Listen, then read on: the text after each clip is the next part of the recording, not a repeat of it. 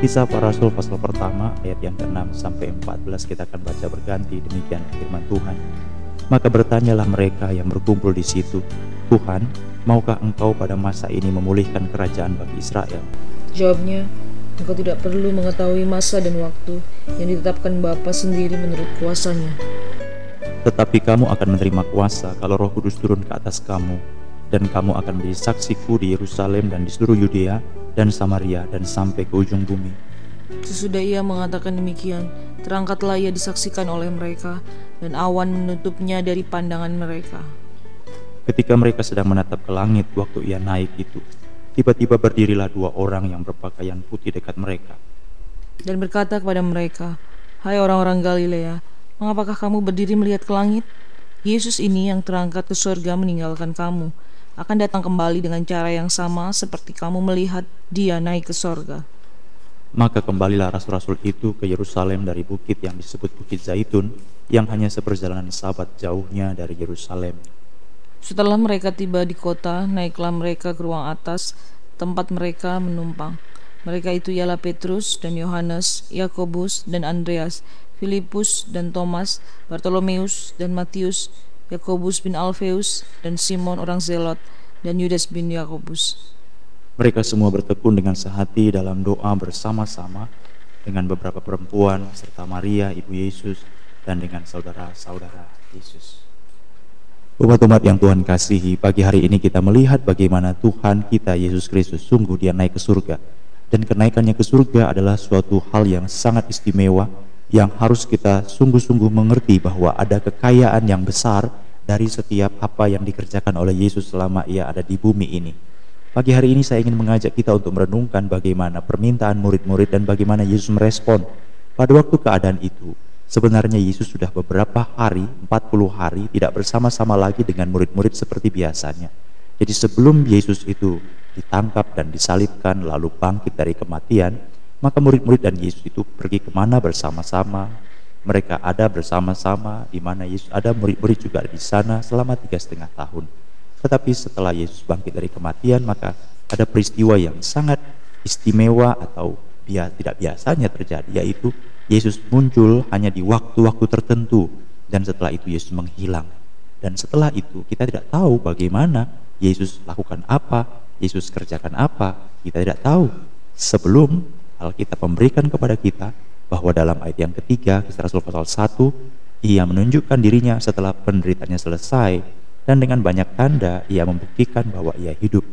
Tetapi ditambahkan lagi dalam ayat yang ketiga bagian selanjutnya, sebab selama 40 hari ia berulang-ulang menampakkan diri dan berbicara kepada mereka tentang kerajaan Allah. Jadi Yesus sedang terus-menerus berbicara tentang kerajaan Allah selama 40 hari tapi ia menampakkan diri kemudian hilang dari antara mereka. Ini yang terjadi. Tetapi pada waktu hari itu sudah selesai, maka tibalah waktunya bagi Yesus untuk naik ke surga. Dan pada waktu Yesus naik ke surga, Yesus mengajak murid-muridnya untuk pergi menepi dari kota Yerusalem. Ya, itu adalah suatu tempat di mana Yesus akan naik ke surga di Bukit Zaitun, di daerah yang sangat penting dan sangat memiliki makna. Dan di sana ada beberapa permintaan dan dialog yang dikerjakan oleh murid-murid dan Yesus sendiri. Dalam ayat yang ke-6, maka bertanyalah murid-murid mereka yang berkumpul di situ, Tuhan, maukah engkau pada masa ini memulihkan kerajaan bagi Israel? Ada satu permintaan, ada sesuatu harapan, harapan yang dimiliki oleh setiap orang pada waktu itu, orang Yahudi yang saleh, di mana mereka tahu bahwa keselamatan itu datang dari Yahudi. Betul sekali, memang keselamatan datang dari bangsa Yahudi. Tetapi mereka juga mengharapkan bahwa Tuhan kembali lagi memulihkan kejayaan Israel sama seperti dahulu kala, sama seperti perjanjian lama, sama seperti pada dahulu Allah memanggil Abraham dan dari keturunannya maka muncullah suatu bangsa yang disebut dengan bangsa pilihan.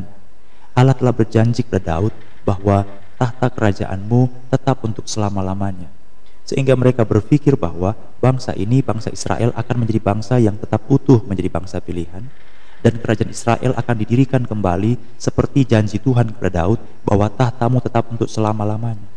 Maka bangsa Israel yang memiliki pola pikir seperti ini juga dimiliki oleh murid-murid yang adalah semuanya orang Yahudi. Murid-murid berkata, Tuhan, maukah engkau pada masa ini memulihkan kerajaan bagi Israel? Jadi semua mereka berharap, semua mereka menginginkan, semua mereka mau supaya pada waktu itu Tuhan berkenan untuk mendirikan kerajaan Israel. Permintaan ini bukanlah permintaan yang baru sebenarnya. Dalam Injil Markus pasal yang ke-10, murid-murid Yesus dua orang yaitu Yakobus dan Yohanes, anak-anak Zebedeus, itu bersama-sama dengan ibunya meminta kepada Yesus, Tuhan, apabila engkau nanti sampai pada pemerintahanmu, maka engkau kiranya berkenan untuk menjadikan anak satu dan anak yang berikutnya untuk memerintah ditempatkan di sisi kiri dan di sisi kanan. Jadi mereka tahu bahwa Tuhan Yesus satu waktu nanti akan memerintah Kemudian hal yang sama terjadi pada waktu Yesus di kayu salib. Ada seorang penyamun yang juga berkata kalimat yang sama. Tidak secara detail apa maksudnya, tetapi kita tidak usah membicarakan maksud rohaninya. Tetapi dia juga berkata begini kepada Yesus. Jika engkau sudah sampai pada pemerintahanmu, pada kerajaanmu, ingatlah akan aku. Jadi memang orang terlepas dari memahami secara rohani atau memahami secara jasmani, mereka menyadari bahwa Kristus Yesus Tuhan kita adalah Raja yang akan memerintah. Pada waktu dua orang berjalan, murid Yesus menuju kota Emmaus. Mereka tidak tahu bahwa ada seorang yang menghampiri mereka, bergabung bersama-sama dengan mereka, dan berjalan sepanjang jalan mereka berbicara. Itu adalah Yesus. Yesus menampakkan diri kepada mereka, tapi sepanjang pertemuan dan pembicaraan mereka tidak tahu kalau itu adalah Yesus sampai pada akhirnya mereka duduk makan roti lalu terbuka mata mereka dan mereka mengetahui bahwa itu Yesus. Tetapi pada waktu mereka berbicara, mereka itu berkata seorang yang lain kepada Yesus. Apa yang sedang kau, kau, kau bicarakan? Kata Tuhan Yesus. Lalu mereka berkata, tidakkah engkau tahu apa yang terjadi hari-hari ini? Ada seorang yang sangat saleh, seorang yang baik, dia adalah guru kami dia adalah orang yang baik, dia adalah orang yang menolong banyak orang. Dia ditangkap, dia disalibkan, dia dituduh sebagai orang yang tidak benar oleh para pemimpin-pemimpin agama kami. Lalu beberapa saudara kami berkata dia sudah bangkit dari kematian. Itulah Yesus. Tetapi ada satu rahasia atau satu bicara yang diungkapkan oleh dua orang murid ini. Padahal dulu kami menyangka dia menjadi raja, memerintah atas kami. Jadi memang orang melihat bahwa Yesus itu adalah seorang yang dapat memerintah. Yohanes pasal yang ke-6 pada waktu Yesus memberi makan 5000 orang setelah semuanya makan kenyang maka mereka berusaha untuk menemukan Yesus dan menjadikan ingin menjadikan Yesus sebagai raja.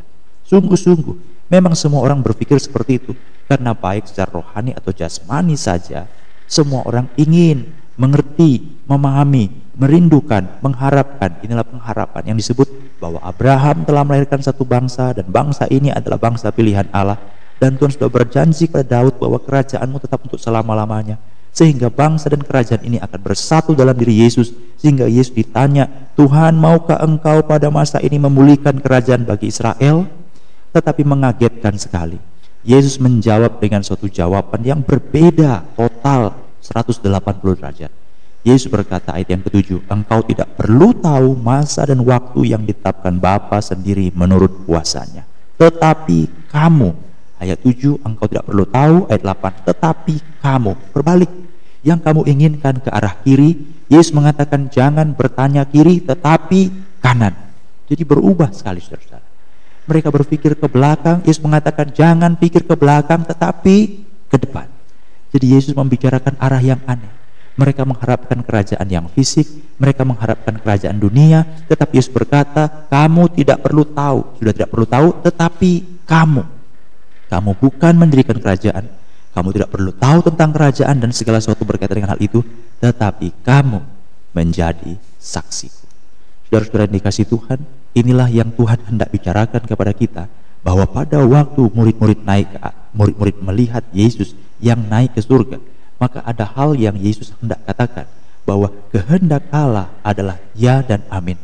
Peristiwa ini pernah terjadi dalam Yohanes pasal 21 di mana pada waktu itu Yesus sedang berbicara dengan Petrus Lalu pada waktu Petrus melihat Yohanes dan seolah-olah Yesus itu begitu mengasihi dan mengatakan bahwa Yohanes tidak ada ada di antara kamu yang sampai mati mungkin uh, tidak akan mati sebelum melihat kerajaan itu tiba kata Tuhan Yesus.